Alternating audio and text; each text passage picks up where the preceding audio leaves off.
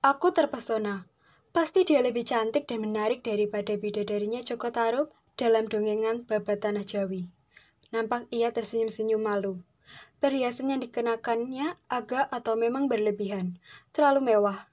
Dan aku merasa dia berhias untuk diriku yang seorang. Dan untuk paras dan resam seindah itu rasanya tak diperlukan sesuatu perhiasan. Bahkan telanjang bulat pun masih akan tetap indah keindahan karunia para dewa itu masih tetap lebih unggul daripada rekaan orang. Dengan segala perhiasan dari laut dan bumi, ia kelihatan jadi orang asing. Sedang pakaian yang tiada biasa dikenakannya itu membuat gerak-geriknya menjadi seperti boneka kayu. Keluasannya hilang. Segala yang ada padanya diliputi keseakanan. Tapi tak apalah, yang indah akan tetap indah. Hanya aku yang harus pandai menyingkirkan keberlebihannya. Dia bersolek untuk Munyo, bisik Nyai. Perempuan hebatnya yang seorang ini, pikirku. Analis berjalan menghampiri kami sambil masih tersenyum dan mungkin telah menyediakan terima kasih dalam hatinya. Belum lagi aku sempat memuji, Nyai telah mendahului. Dari siapa kau belajar bersolek dan berdana seperti itu? Ah, mama ini, serunya sambil memukul pundak ibunya dan melirik padaku dengan mata besar. Wajahnya kemerahan.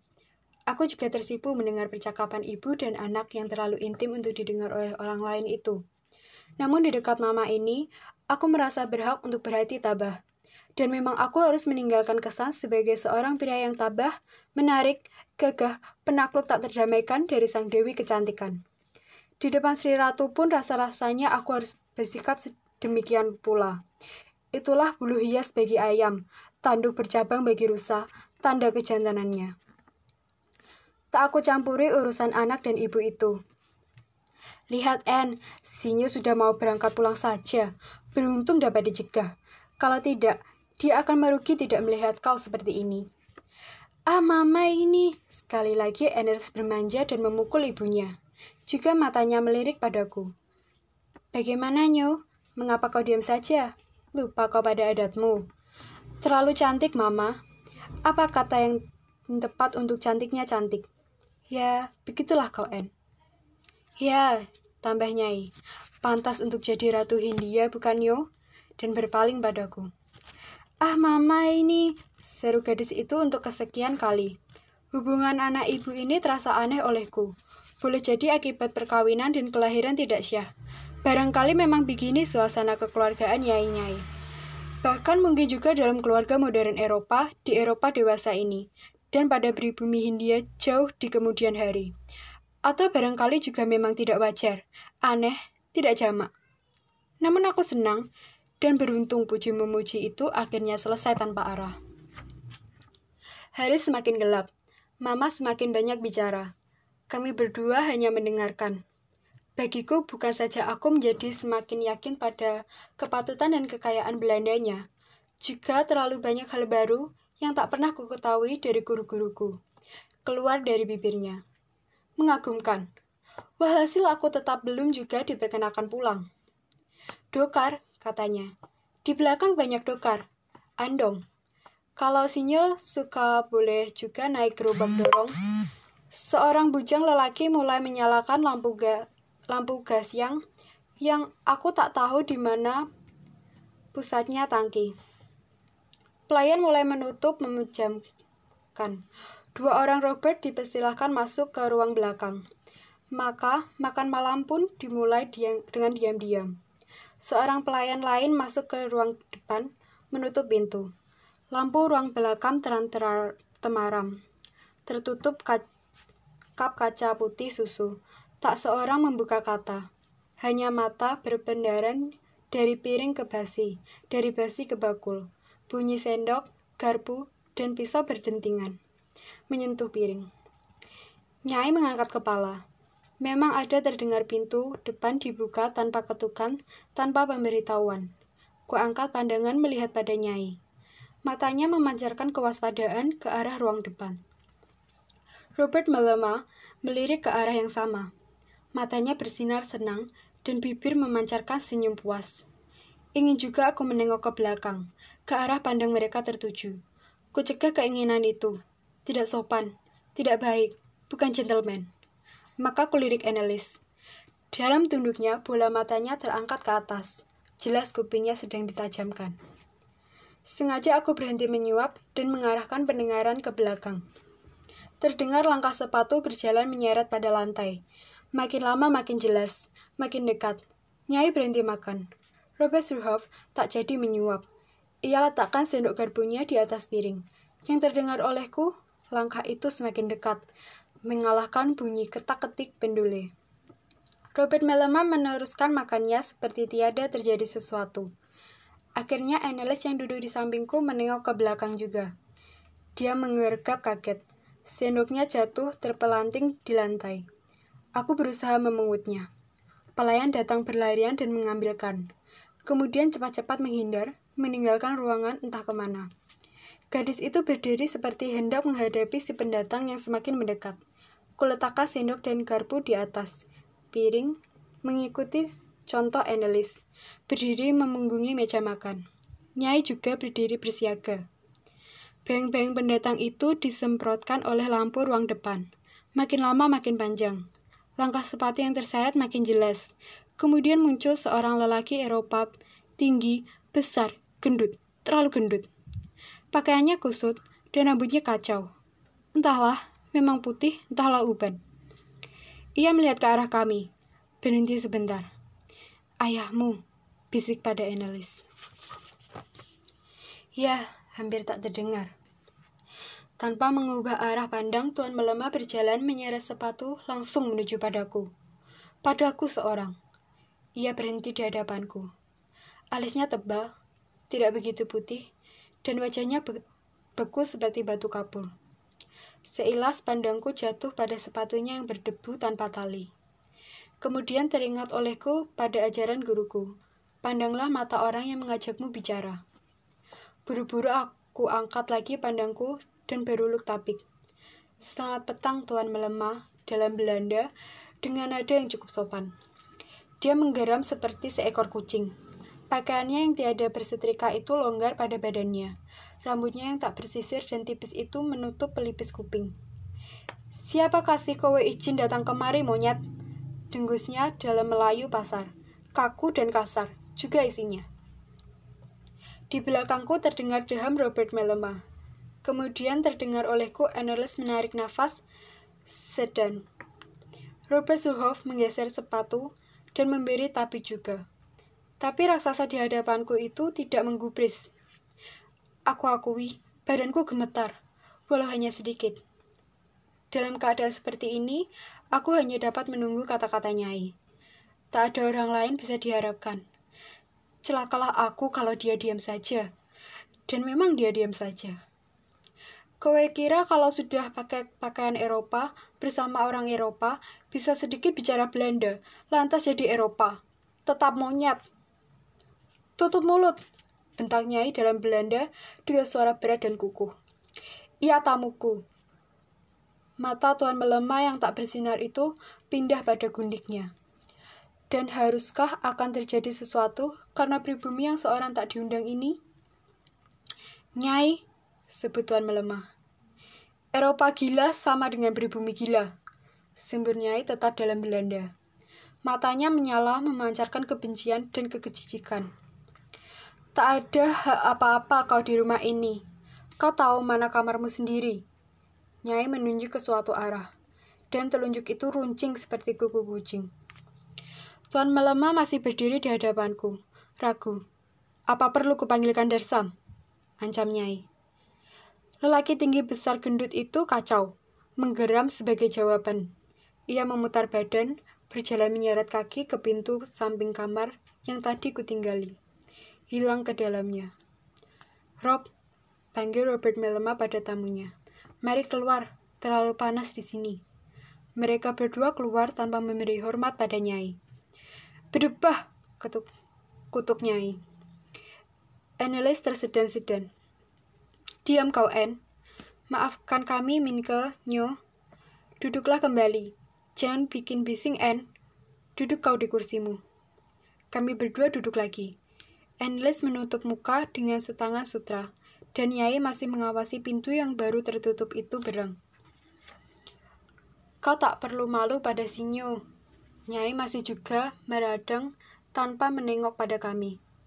Dan kau nyo, memang Sinyo tak akan mungkin dapat lupakan. Aku tak akan malu. Jangan Sinyo kaget atau ikut malu. Jangan gusar. Semua sudah kuletakkan pada tempatnya yang benar. Anggap dia tidak ada, Nyo. Dulu aku memang nyainya yang setia, pendampingnya yang taguh. Sekarang, dia hanya sampah tanpa harga. Orang yang hanya bisa bikin malu pada keturunannya sendiri. Itulah papamu, En. Puas mengumpat, ia duduk kembali. Tak meneruskan makan. Wajahnya menjadi begitu keras dan tajam. Tenang-tenang aku pandangi dia. Wanita macam apa pula dia ini? Kalau aku tak keras begini, Nyo, Maafkan aku harus membela diri sehina ini. Akan jadi apa semua ini? Anak-anaknya, perusahaannya, semua sudah akan menjadi gembel. Jadi aku tak menyesal telah bertindak begini di hadapanmu, Nyo. Suaranya kemudian menurun seperti mengadu padaku. Jangan kau anggap aku biadab, katanya terus dalam Belanda yang patut. Semua untuk kebaikan dia sendiri dia telah kuperlakukan sebagaimana dia kehendaki. Itu yang dia kehendaki memang. Orang-orang Eropa sendiri yang mengajar aku berbuat begini. Minke, orang-orang Eropa sendiri. Suaranya minta kepercayaanku. Tidak disekolahkan di dalam kehidupan ini. Aku diam saja. Setiap patah dari kata-katanya kupatkan dalam ingatanku. Tidak disekolahkan di dalam kehidupan. Jangan, jangan anggap biadab. Orang Eropa sendiri yang mengajar begini. Sekarang Nyai berdiri berjalan lambat-lambat ke arah jendela. Dari balik tabir pintu ia tarik seutas tambang lawe yang berujung pada segumpal jumbai jambai. Jumbai. Dari kejauhan terdengar sayup bunyi giring-giring.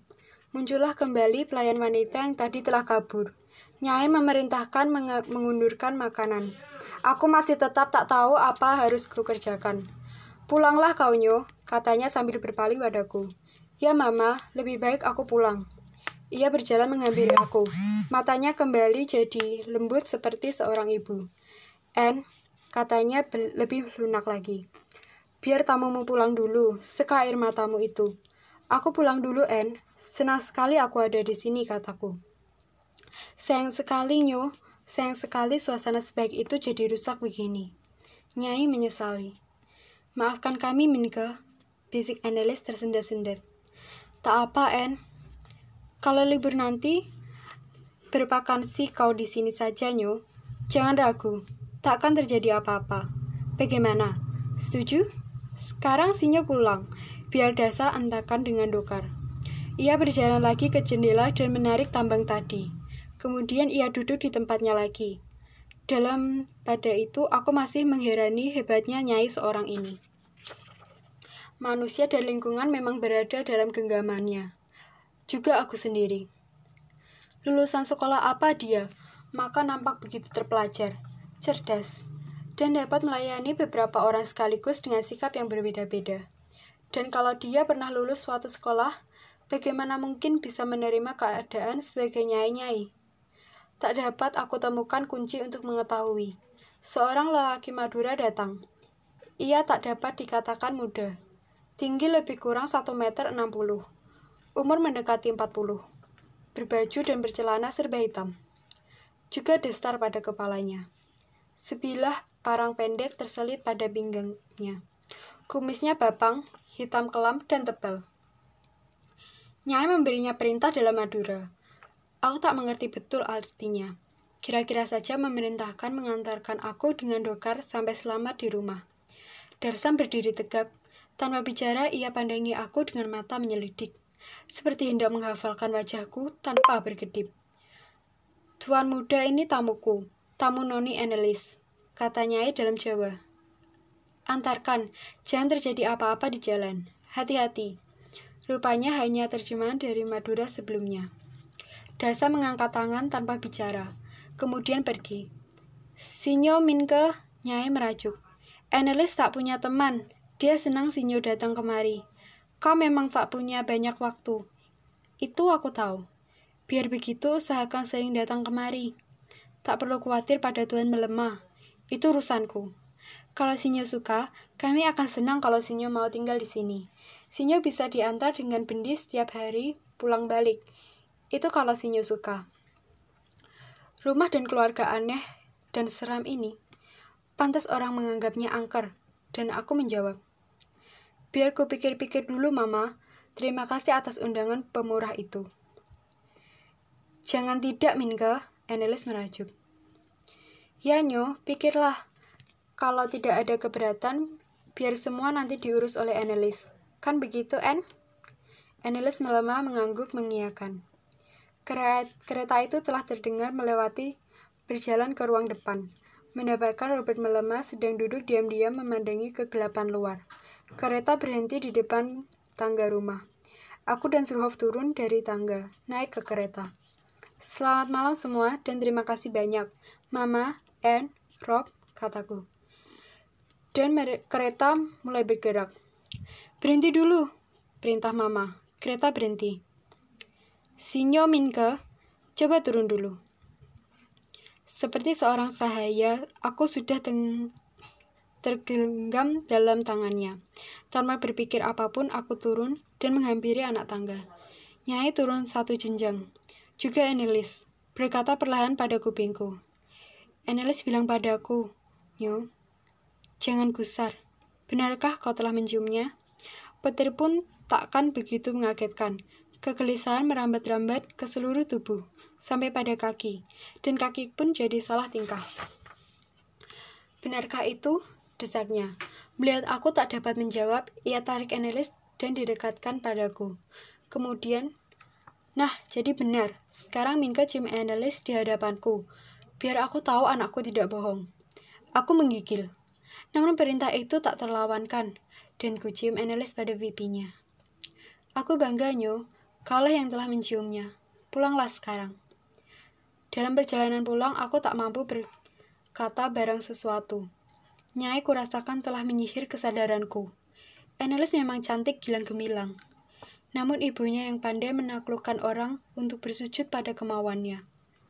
Robert Surhoff mengganggu, dan kereta berjalan gemeretak menggiling batu jalanan. Lampu karbit kereta menyibak kegelapan dengan cara yang tak kenal damai. Hanya kereta kami yang lewat pada malam itu. Nampaknya orang telah mengalir ke Surabaya, merayakan penobatan darah Wilhelmina. Darsa mengantarkan aku sampai ke rumah pemondokan di Kranggan.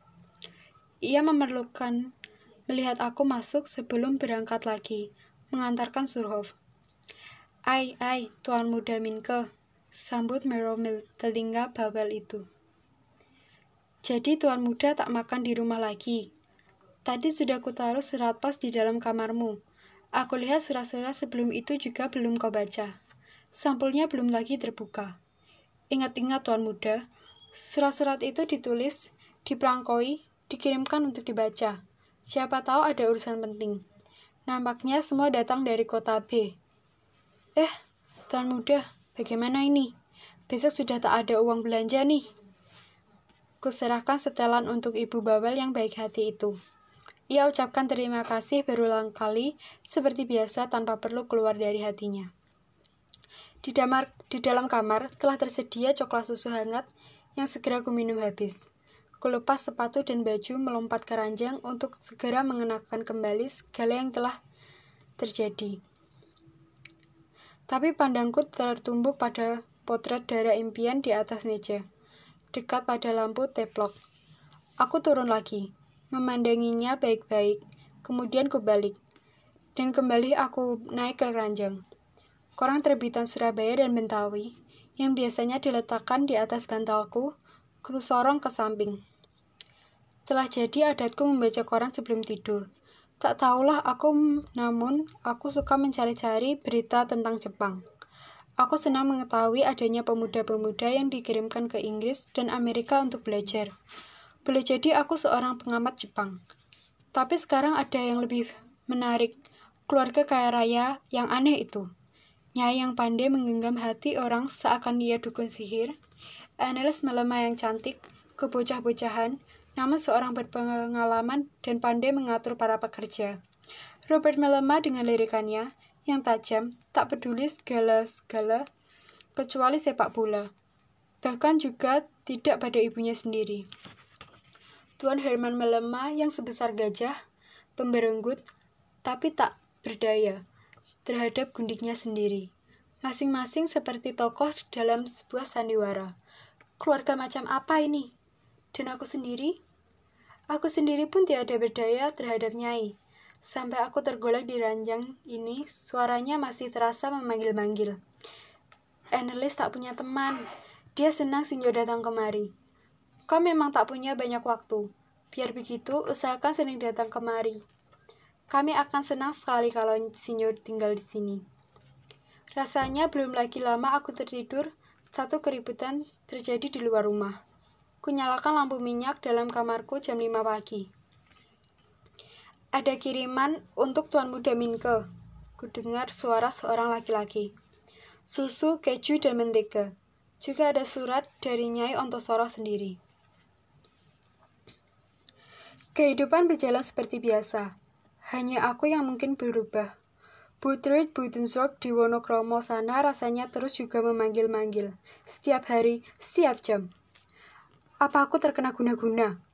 Banyak gadis Eropa totok dan Indo yang aku kenal. Mengapa Annelies juga yang terbayang? Dan mengapa suara Nyai tak mau pergi dari kuping batinku? Minke, Sinyo Minke, kapan kau datang? Pikiranku kacau. Setiap hari aku, setiap pagi aku berangkat ke sekolah membawa May Maris. Aku menggandeng gadis kecil itu sampai ke sekolahnya di ILS Simpang. Kemudian aku berjalan kaki sendiri menuju ke sekolahku di jalan HBS. Setiap kusir kereta di hadapanku kuperhatikan. Jangan-jangan darsamlah dia. Dan bila kereta hendak melewati aku dari belakang, kuperlukan menengok. Seakan aku mempunyai kepentingan dengan semua kereta yang lewat. Juga di dalam kelas, analis terus-menerus muncul. Dan lagi-lagi suara Nyai. Kapan kau datang? Dia telah berdandan untukmu. Kapan kau datang? Rube Surhoff tak pernah mengganggu aku dengan persoalan monokromo. Ia selalu menghindari aku. Ia enggan melunasi janjinya untuk menghormati aku bila aku berhasil. Dan aku sendiri merasa seperti sedang hidup dalam selubung kelabu. Semua tidak jelas, dan perasaan tidak menentu. Semua teman sekolahku, Eropa Totok, ataupun Indo, laki-laki dan perempuan, Rasanya sudah berubah semua, dan mereka pun melihat perubahan pada diriku. Ya, aku telah kehilangan kelincahan dan keramahanku. Pulang dari sekolah, aku langsung memasuki bengkel Siang Mare. Kulihat para tukang baru memulai kerja sore. Siang sendiri seperti biasa sedang tenggelam dalam lukisan, sketsa, atau rancangan yang sedang disiapkan. Hari ini aku tiada pulang dulu ke pemondokan, juga tidak pergi ke pelabuhan, juga tidak ke kantor kor koran lelang untuk membuat teks iklan.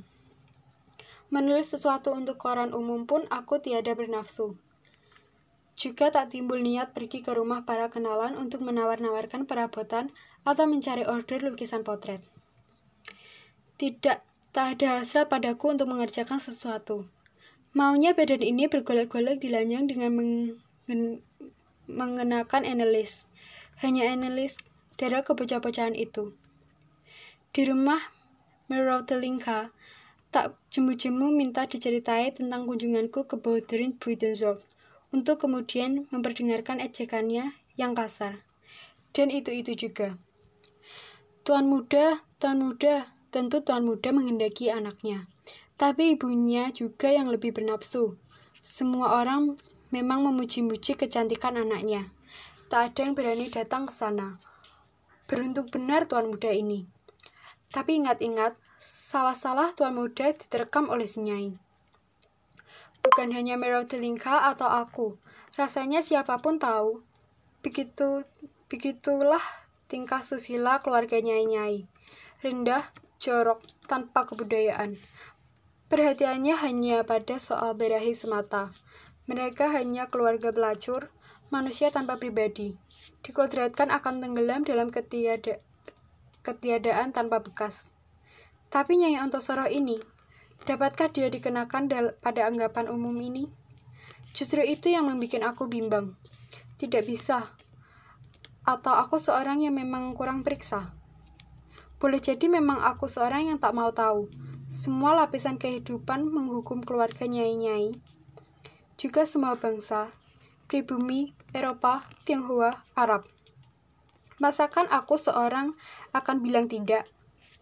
Perintahnya padaku untuk mencium Annelies, kan itu juga pertanda rendahnya tingkah susila. Mungkin. Namun ajakan Telinka rasanya menyinggung per, per dalam hatiku. Tentu, mungkin karena aku punya impian yang bukan-bukan. Dalam beberapa hari ini telah aku coba yakinkan diriku. Apa yang terjadi antara diriku dengan Annelies hanyalah suatu kejadian umum dalam kehidupan muda-mudi terjadi dalam keluarga apa pun, raja, pedagang, pemimpin agama, petani, pekerja, bahkan juga di kahyangan para dewa.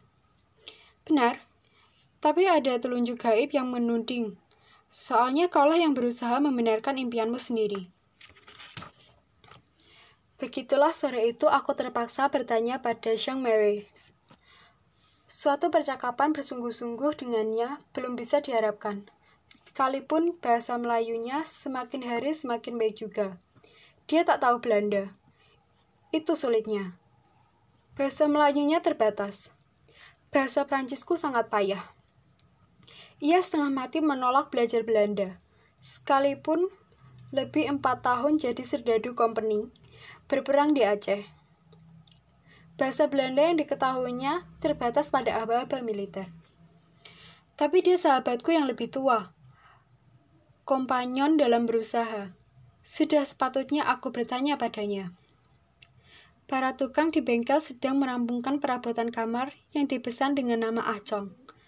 Mungkin yang punya rumah pelesiran tetanggaan Nyai Ontosoro. Hanya karena pesanan itu bergaya Eropa, orang Tionghoa tidak memesan pada sebangsanya sendiri. Kuterima orderan itu melalui orang lain. Shang sedang memainkan pensil membuat sketsa untuk lukisan yang akan datang. Aku hendak mengganggumu, Shang, kataku, dan duduk di kursi depan, di kursi pada meja gambarnya. Ia mengangkat muka memandangi aku. Tahu kok artinya sihir? Ia menggeleng. Guna-guna, tanyaku. Tahu, si tahu, sejauh pernah ku dengar. Orang-orang Zanggi biasa lakukan itu, Kata orang, itu pun kalau pendengaranku benar.